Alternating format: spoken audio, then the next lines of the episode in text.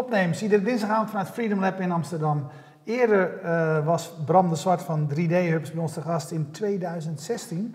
Lange tijd geleden. De kop boven het artikel uh, op onze website was toen... Nu de hype voorbij is, vinden de grote innovaties in 3D-printen plaats. Uh, hoe is het jullie sinds, sindsdien vergaan, Bram?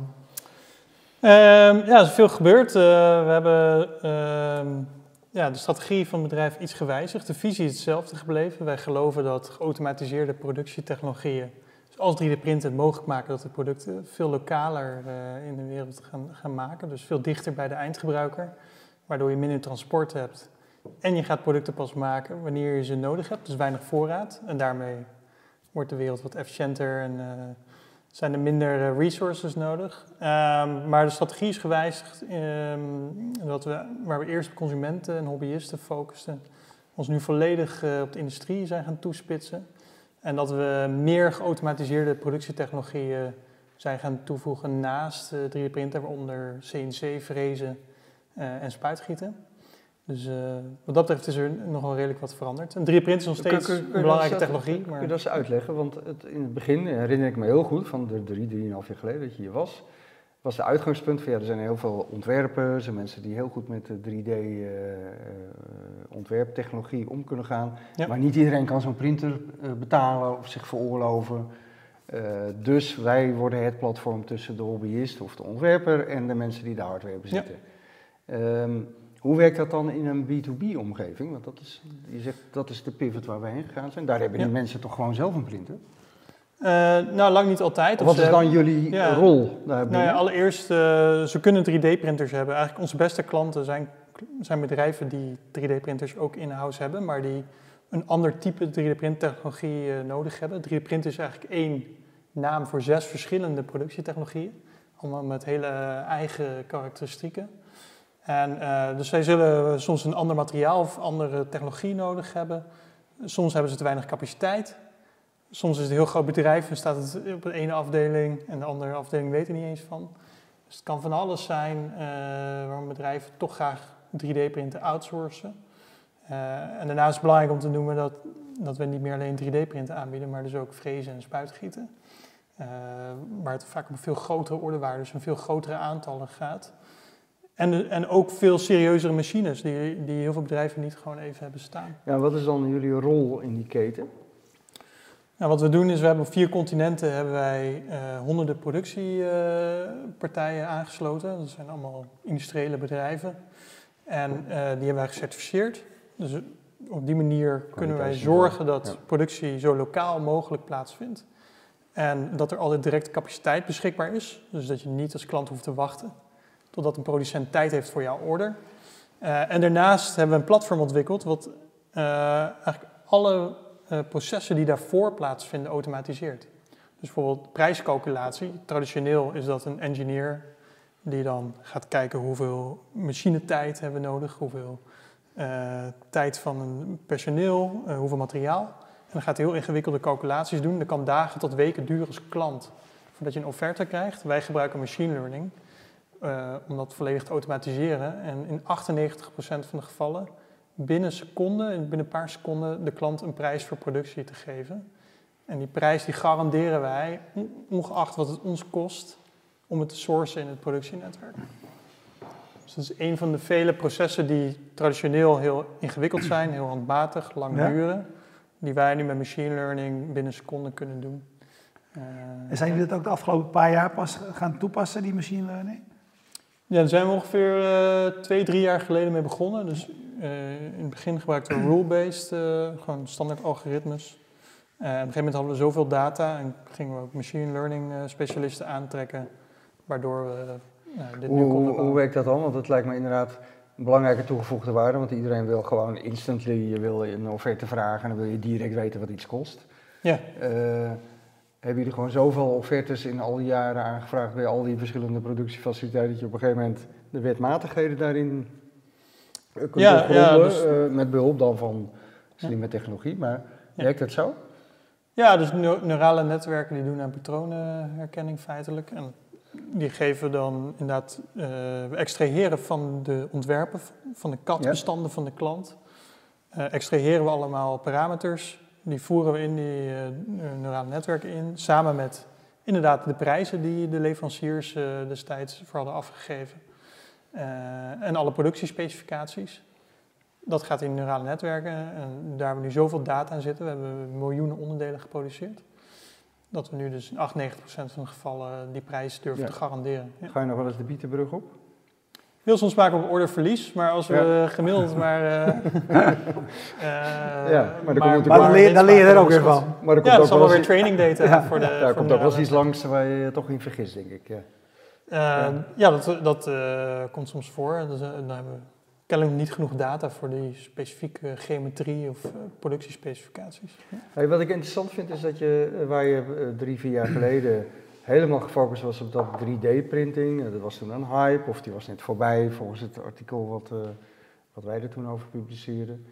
dat jullie eigenlijk verbreed hebben en gezegd van nou, wij zijn geen 3D-printing hub meer, wij zijn een geautomatiseerde productieproces ja. hub. Mag ik het zo zeggen? Ja, klopt. Ehm, als je even een stap terug doet, is, is dat nu de grote ontwikkeling? Dat veel meer technologieën uh, of veel meer, op veel meer manieren je geautomatiseerd dingen kunt produceren?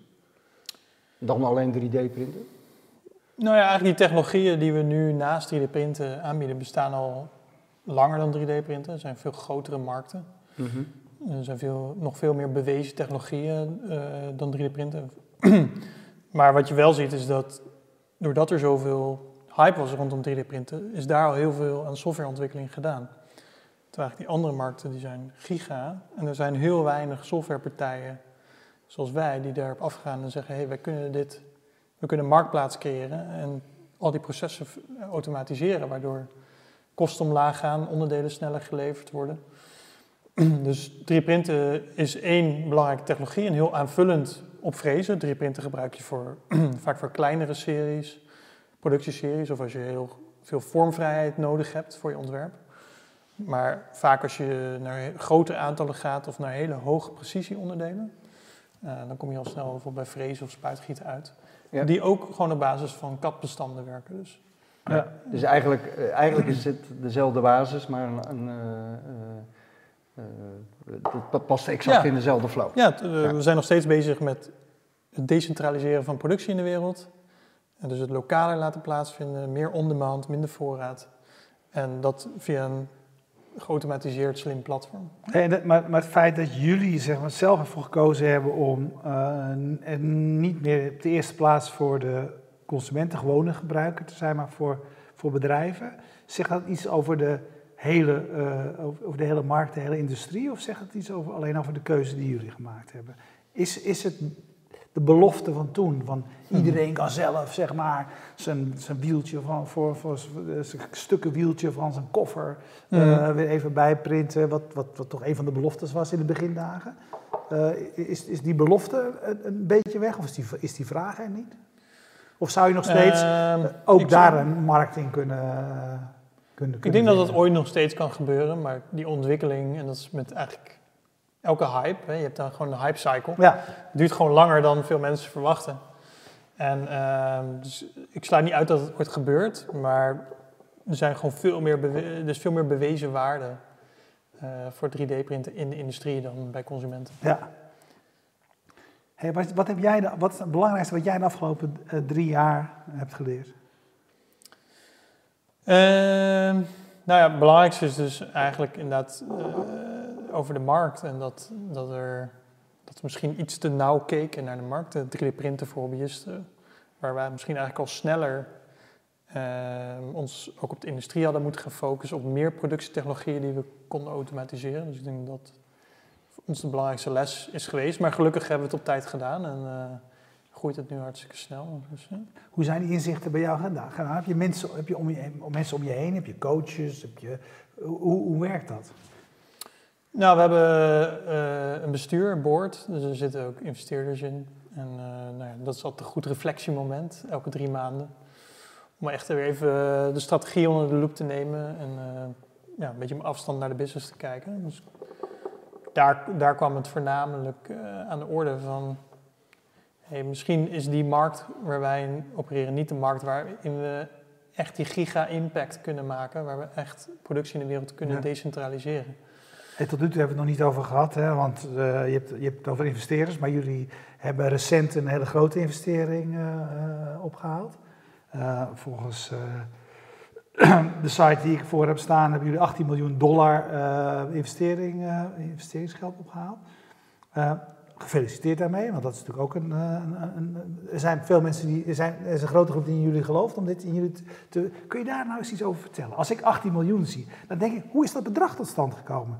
ben je op 7, ben je, ben je op 30 begonnen en op 18 uitgekomen? Ben je, hoe werkt dat? Ja, het is een beetje een combinatie van een, een financiële forecast maken en denken van, nou, we denken dat we de omzet uh, zo hard kunnen laten groeien de komende jaren. We denken daar ongeveer zoveel voor te moeten investeren. Uh, dus dat is uh, waar je naar kijkt. Je kijkt natuurlijk ook van ja, welke omzet doen we nu, welke groei zit erin en wat is een redelijke waardering voor het bedrijf op basis daarvan, waarbij je dus een bepaald bedrag kan ophalen zonder dat de aandeelhouders extreem verwateren. Uh, dus het is een mix van, van je financiële forecast en die willen halen, maar ook kijken van ja, is, is dat bedrag en de bijbehorende waardering passend uh, voor de fase waar we als bedrijf zitten. Ja. als je... wat, wat, waar heb je dat geld voor nodig? Want het is echt een enorme bak geld voor een softwarebedrijf. Wat, wat ga je daarmee doen? Ja, blijven dus verder in het uh, platform uh, investeren. Ik bedoel, ja, we hebben nu 70 mensen in het bedrijf, ja. maar Airbnb heeft waarschijnlijk makkelijk duizend man aan zijn platform werken. Dus, ja. ja, je kan, kan het. En die productieindustrie is groter dan de markt van accommodaties. Dus wat dat betreft uh, zou het niet uh, heel gek zijn om net zoveel als Airbnb in platformontwikkeling en automatisering te investeren. Welke winsten kunnen jullie, daar, kunnen jullie daarin halen? Wat kunnen jullie nu nog niet wat je wel zou willen? Met je platform? Van alles, uh, meer productietechnologieën toevoegen. Ehm, meer integreren in de workflows van zowel zijn klanten als de productiepartners. Ehm, ja, een, een, eindeloze lijst van ideeën. Ja het platform beter kunnen maken. Een van de meest ingewikkelde dingen die ik las over jullie, uh, nou ja, dat, weet je, het is toch een, een, een, verandering van strategie geweest. Een, een pivot heet dat in, uh, in hipster uh, jargon. Um, een van de dingen die jullie bijvoorbeeld echt aan het, aan het ontsluiten zijn, is denk ik de productiefaciliteit in China.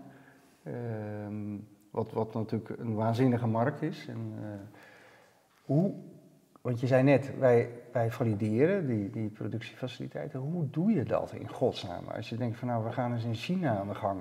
En wij gaan daar met uh, hele goede productiefaciliteiten werken. Hoe kom je daarbij? Nou, je, je vindt ze vaak via je netwerk. Dus uh, dat zijn partijen waar mensen die ik vertrouw mee hebben gewerkt en uh, goede ervaringen hebben. Je, wat we doen is dat we voordat een productiepartner uh, een order direct naar de klant mag sturen, moet ze eerst drie klantorders naar ons versturen, naar ons kantoor, waar we die onderdelen inspecteren op kwaliteit. Oké, dus je zit er echt fysiek tussen?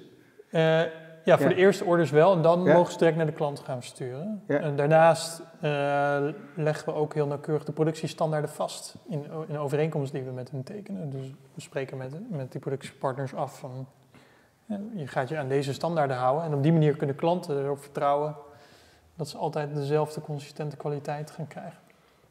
En daarnaast is, uh, doen we ook dingen als, uh, als on-site visits. Dus we gaan uh, volgende maand met een team van vijf een tijd in China zitten. Daar de productiepartners bezoeken en ook nieuwe weer aansluiten. Ja, dus daar, daar gaat ook heel veel tijd en dus geld. En, ja, dus waar we in het, in het oude model, het oude platform, waar we echt nog met hobbyisten 3D-printen bezig waren hadden we 30.000 3D-printer-eigenaren aangesloten wereldwijd. Zijn we nu teruggegaan naar een paar honderd.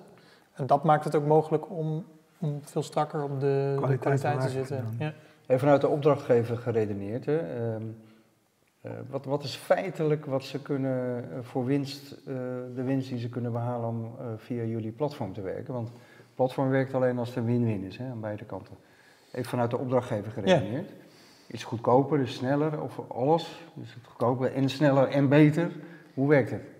Nou ja, het is dus goedkoper en sneller. Hè? Dus, uh, omdat we heel veel processen automatiseren die voorheen handmatig plaatsvonden. Dus zoals prijsbepaling, maar ook bepalen of het ontwerp produceerbaar is. Doen, doen we met onze software automatisch. Ja. Nou, dat scheelt tijd voor beide kanten van de, de marktplaats. En bespaart. Uh, het scheelt tijd en het, en het scheelt in de kosten. Ja. Ehm, en daarnaast heb je dan nog het voordeel dat wij, we hebben een slim sourcing systeem gebouwd, wat ervoor zorgt dat een order bijna altijd naar een productiepartner gaat die direct de productie kan beginnen. En dan moet je niet onderschatten dat als jij als klant direct een, een productiepartij gaat zoeken online bijvoorbeeld, nou ja, A, ben je dan één of twee weken aan het wachten voordat je weet wat de prijs is en of je ontwerp produceerbaar is. En als je dan een bestelling plaatst, moet je maar geluk hebben dat ze direct kunnen beginnen. Misschien zijn ze eerst nog tien andere klantorders aan het af, uh, afwikkelen. Ja. Uh, en dat probleem heb je bij ons dus niet, omdat wij zo'n groot netwerk en zoveel capaciteit hebben. Dus jullie dus kunnen, dan, jullie kunnen meteen zeggen van deze kan meteen aan de slag of dit duurt nog even of dat soort informatie? Uh, ja, wij, wij kunnen gewoon hele snelle levertijden en hele lage kosten garanderen. Ja. Omdat we weten dat we een heel productienetwerk in de achtergrond hebben. Ja.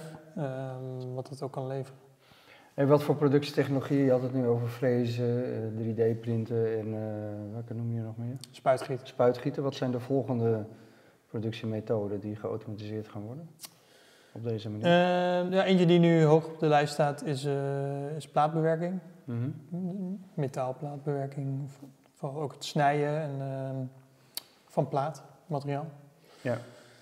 dat is ook grote vraag naar de wereld. Ja. Ja. Dus ja, maar in principe kunnen we elke technologie die op basis van een CAD-bestand ja. uh, aangestuurd kan worden. En waar, op basis waarvan je de, de prijs kan voorspellen en de levertijd en de produceerbaarheid. Elke technologie waarbij dat van toepassing is, zouden wij in principe kunnen toevoegen aan het platform. Ja. Hey, zijn jullie uh, inmiddels op basis van wat je nu doet uh, winstgevend? Of uh, is zo'n investering ook nodig om zeg maar, ondanks dat je nog verlies draait, eh, te kunnen groeien. We zouden winstgevend kunnen zijn, maar ja, je haalt geld op en dat wil je natuurlijk investeren. Dus dat betekent dat je ja. investeert maar ja, als je zegt, we zouden winstgevend kunnen zijn, dan zeg je even los van onze groeiambities, de klanten die we afhandelen, daar maken we een gezonde marge op. Zeker, ja. We, ja. ja. We zouden nu een winstgevend bedrijf kunnen draaien. Ja, waarom kies je er dan toch voor om die, uh, die grote groeiambities te hebben? Uh, ja, waarom niet? Ja, ja, dat is ook een goede. Dat is ook een goede vraag. Nee, maar sommige mensen, we hebben hier ook mensen aan tafel die zeggen, nou ik ben hartstikke tevreden. We zitten met 30 man, we hebben een hartstikke leuk team.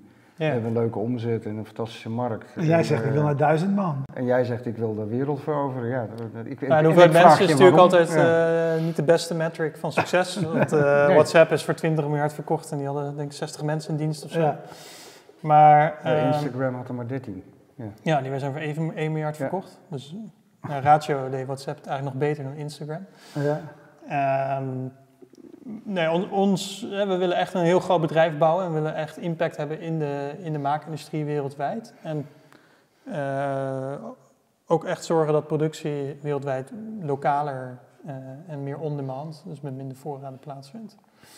En ja, dat ga je niet doen uh, over het algemeen een bedrijf van 30 mensen. Dan zul je toch wel iets groters moeten bouwen. Ik vind het ook gaaf om gewoon iets heel groots te bouwen.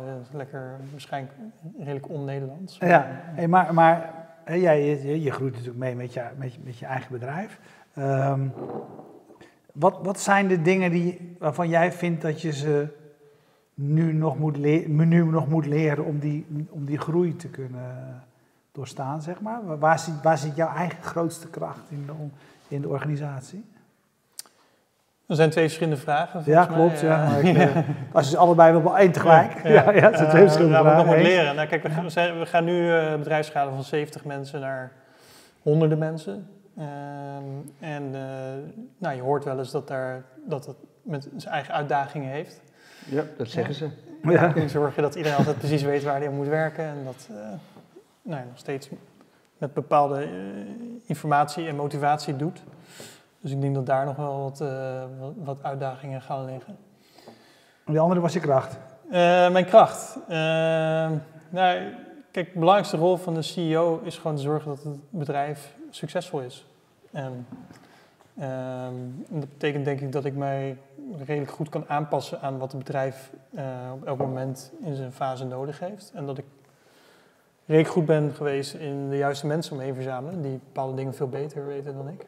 En, uh, ik denk dat uiteindelijk ja, de CEO moet gaan zorgen dat het bedrijf succesvol is. Uh, ongeacht wat, wat hij daar wel of niet voor moet doen, wat hij moet laten, wat hij moet oppakken. Hey, dat, dat doe jij natuurlijk uh, aantoonbaar heel, heel, erg goed. Uh, maar als je, als je toch één ding moet aanwijzen van de afgelopen jaren waarvan je zelf zegt dat had ik beter moeten doen, wat was dat dan geweest? Ehm, nou, ik denk dat ik die wijziging van strategie misschien nog iets sneller had kunnen. Ik had hem al wel vroeg dat hij nodig was, vroeg gesignaleerd, maar dan ook echt een stap zetten. stap te zetten. En zeggen van, oké, we gaan een groot risico nemen. Uh, we gaan iets waar we heel groot in zijn geworden toch gedeeltelijk achterlaten. En weer iets nieuws bouwen. Dat, uh, ja, ik las, ik las achteraf ergens, beter nog iets eerder kunnen Ik las ergens dat het ook wel echt nodig was. Dat je ook ergens zei van, uh, ja, we, we, hadden het ook niet gered in het andere model. Nou ja, we hadden nog steeds wel een, een, kleine winstgevende business kunnen bouwen, maar we hadden op dat moment ook al wel 12 miljoen in financiering. En daar zit natuurlijk ook dus bepaalde groeidoelstellingen aan vast, ja. groeiverwachtingen. Ja. En ja, die markt waar we eerst in zaten was, ja, was niet groot genoeg om een miljardenbedrijf te bouwen. En dat is waar, wel waar we voor gaan. Dus, ja. ja. Ja, ik, ik blijf toch uh, fascinerend vinden dat ik een jongen aan tafel heb zitten die gewoon het volstrekt normaal vindt dat je ambitie is om een miljardenbedrijf te bouwen. En net toen ik je vroeg waarom, zei, kon je alleen maar zeggen ja, waarom niet? Ik vind nog steeds geen antwoord. uh, ja, misschien ook omdat ik tot nu toe nog geen reden heb waarom het niet zou kunnen. En ja. uh, omdat, ja, misschien zit er wel iets in mij waarin ik altijd wel groter en meer ja. wil. En ik denk dat we ook want die markt is chauvinisme dat we in Europa toch wel dat ze dat nu een beetje missen. We hebben de, als je de, de, tien grootste technologiebedrijven ter wereld kijkt, zijn alleen Chinees en Amerikaans. Ja. Er zit geen enkel Europees bedrijf tussen. Jij wil, jij wil een jij ik, hoop dat, dat, ik hoop dat 3D Hubs daar wel ja, jullie top 10 lijstje jullie komt. Hebben, ja. Jullie hebben je investeerders ook vast voorgerekend hoe groot die markt is. Uh, dat vraagt Johan Schaap op Twitter. Hoe groot is die markt? Hoeveel miljard? Nou, dat is maar net uh, waar je de hekjes zet. Maar uh, als je gewoon heel conservatief kijkt, dus alleen de markt voor uh, kleine volumeproductie, geoutsourced en geen assemblage bij betrokken. Ja, dus puur onderdelen? Ja, ja, Single, onder, single parts. die markt is 40 miljard. Maar de totale productieindustrie wereldwijd is 12 triljard. Dus die is uh, giga. Dus uh, die, die marktinschatting die ik net uh, omschreef is echt maar een heel klein deel. Een conservatieve, conservatieve inschatting. Ja, ja. ja en je, je, gaf net al aan, een van de meest complexe dingen van jullie groeiambitie is waarschijnlijk de softwareintegratie. Met zowel de vragende partijen als de leverende partijen. Kun je daar eens iets meer over vertellen? Want je, hebt, je zegt, nou, we hebben nu eh, een paar honderd uh, productiefaciliteiten. Het draait dat allemaal op verschillende softwarepakketten? Is dat echt allemaal custom werk om per productiefaciliteit daarmee te integreren? Hoe werkt dat? Um, nou, het gaat eigenlijk over het automatiseren van, van veel van hun processen. Dus als je bijvoorbeeld naar een, uh, een vreesshop kijkt, de, als je kijkt naar de totale kosten van productie, is ongeveer de helft arbeid. En binnen die helft arbeid hebben wij inmiddels al de helft geautomatiseerd met onze processen. Maar uiteindelijk zou je natuurlijk nog meer kunnen automatiseren, waardoor uiteindelijk je een volledig geautomatiseerde fabriek hebt, die direct verbonden is met onze platform. En waarbij wij ons platform zowel direct orders naar machines kunnen sturen, als dat wij real-time uh, de productie en kwaliteit kunnen monitoren. Dus ja, dat is waar het en daar zit nu vaak zo'n lokale partij nog tussen. Uh, maar de, jullie doel is om dat allemaal weg te automatiseren. En dan heb je het over wat je net zei, hè, van het, het de ontwerpen valideren, is het produceerbaar, uh, noem maar op, het vertalen van bestanden naar die, die specifieke software van dat, die productiefaciliteit, dat soort dingen toch? Ja, uh, ja al dat soort dingen. Ja. ja. Hey, wordt de wereld beter met meer automatisering? Ja, dat is een meer filosofische vraag natuurlijk. Ja, maar wel een belangrijke. Uh, dat is een heel belangrijke vraag die je steeds meer hoort. Um, ja, het is natuurlijk lastig. Ik denk, uh, uiteindelijk dat automatisering over de, sinds de mensheid bestaat, heeft ertoe geleid dat we niet meer in een hol wonen. En uh, ja, overlevingskansen vrij klein zijn, maar in ieder geval in Nederland vrij groot. Um, dus het is natuurlijk aan de ene kant heel arrogant om te zeggen van, nou ja, we hebben nu in 2019 hebben we de perfecte staat uh, bereikt. We hoeven niks meer te automatiseren, de wereld is geweldig. En laten we gewoon duizenden jaren aan technologische ontwikkeling maar stopzetten. Um, maar ik zie wel het risico inderdaad. Ik zie een transitieperiode waarin er mogelijk banenverlies is. En dat het niet direct gecompenseerd kan worden. Dus ja, dat is een moeilijke fase. Maar ik denk dat het uiteindelijke resultaat uh, door kunstmatige intelligentie, door automatisering, robotisering, ja, dat het ervoor zorgt dat we mensen met minder arbeid uh, wereldwijd meer kunnen produceren en dus in grotere welvaart kunnen leven. Dat dat in principe goed is. Ja. Maar ja, de vraag is of de welvaart goed verdeeld, of er nou een beetje verdeeld wordt misschien. Die vraag stel ik altijd. Oh ja, sorry. Waarom stel jij niet? ja, ja. ik, ben, ik, ben, ben beïnvloed door jou. ja, dat, dat, is nog een ander aspect. Dus inderdaad, uh, kunnen mensen uh, zich snel genoeg omscholen om zeg maar, relevant te blijven uh, en relevant werk te blijven vinden?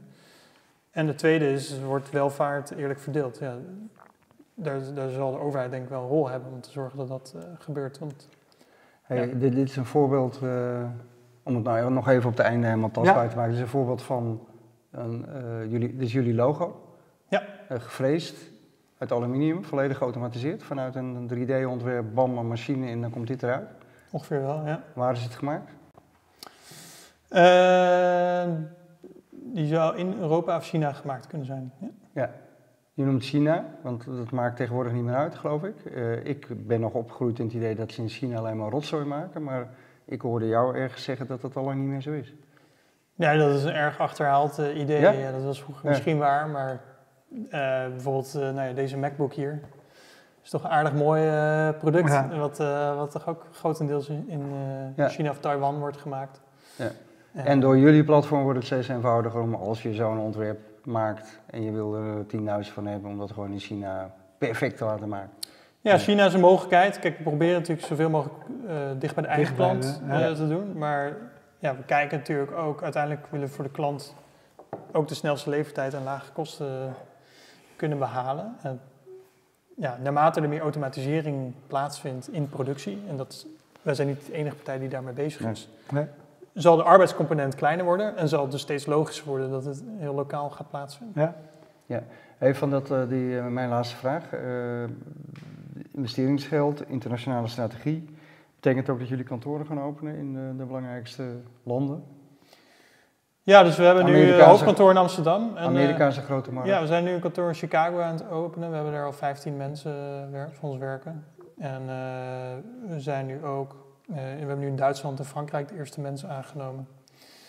Dus we zijn inderdaad redelijk, uh, redelijk aan het internationaliseren. Ja. ja. Welk, welke school heb jij gezeten? In de middelbare school? Nou, daarna. Wat heb je gedaan voordat je dit... Voordat je, wat is jouw opleiding? Uh, ik heb industrieel ontwerpen aan de TU Delft gestudeerd. En, dus ik ben al vroeg in aanraking met 3D-printen en frezen gekomen, in 2002 al. Ik heb in 2002 al mijn eigen ontwerpjes staan frezen met de hand. En, ja. Als je nu naar je bedrijf kijkt, zijn, zijn de meeste mensen die bij jullie werken, zijn software developers? Er zijn veel uh, software engineers en mechanical engineers. Ja, dus allemaal verschillende soorten engineers eigenlijk. Ja. ja. Oké, mooi. Ja, ik vind het een prachtig verhaal en uh, ja, ik hoop dat je over drie jaar nog een keertje komt vertellen hoe het uh, met je staat. Ja, dat doe ik, kom ik uh, graag doen. Ja. Okay, Hoop ik de strategie dan nog wel hetzelfde. Ja, ja als, je de als jij de strategie vasthoudt, houden wij hem, houden wij hem hier. Uh, heel veel succes. Ik vind, het, ook wel, ik vind het ook wel een jongensavontuur dit hoor. Ja, gaaf man. Ja, Nee, super. Okay. Jullie bedankt voor het kijken en we bedanken zoals altijd biersponsor Bier Co, livestream sponsor Jetstream, hosting sponsor PQR en uh, sponsor van de, dit pand Freedom Lab in Amsterdam. Iedere dinsdagavond zijn we er volgende week een ietsje eerder steken. Ietsje eerder, want we moeten voetballen kijken. Ja, ja. iets met voetbal. we zijn er wel gewoon op dinsdagavond, maar we beginnen al om 7 uur. Maar dat laten we nog even via andere kanalen ook weten. Dankjewel. Dag.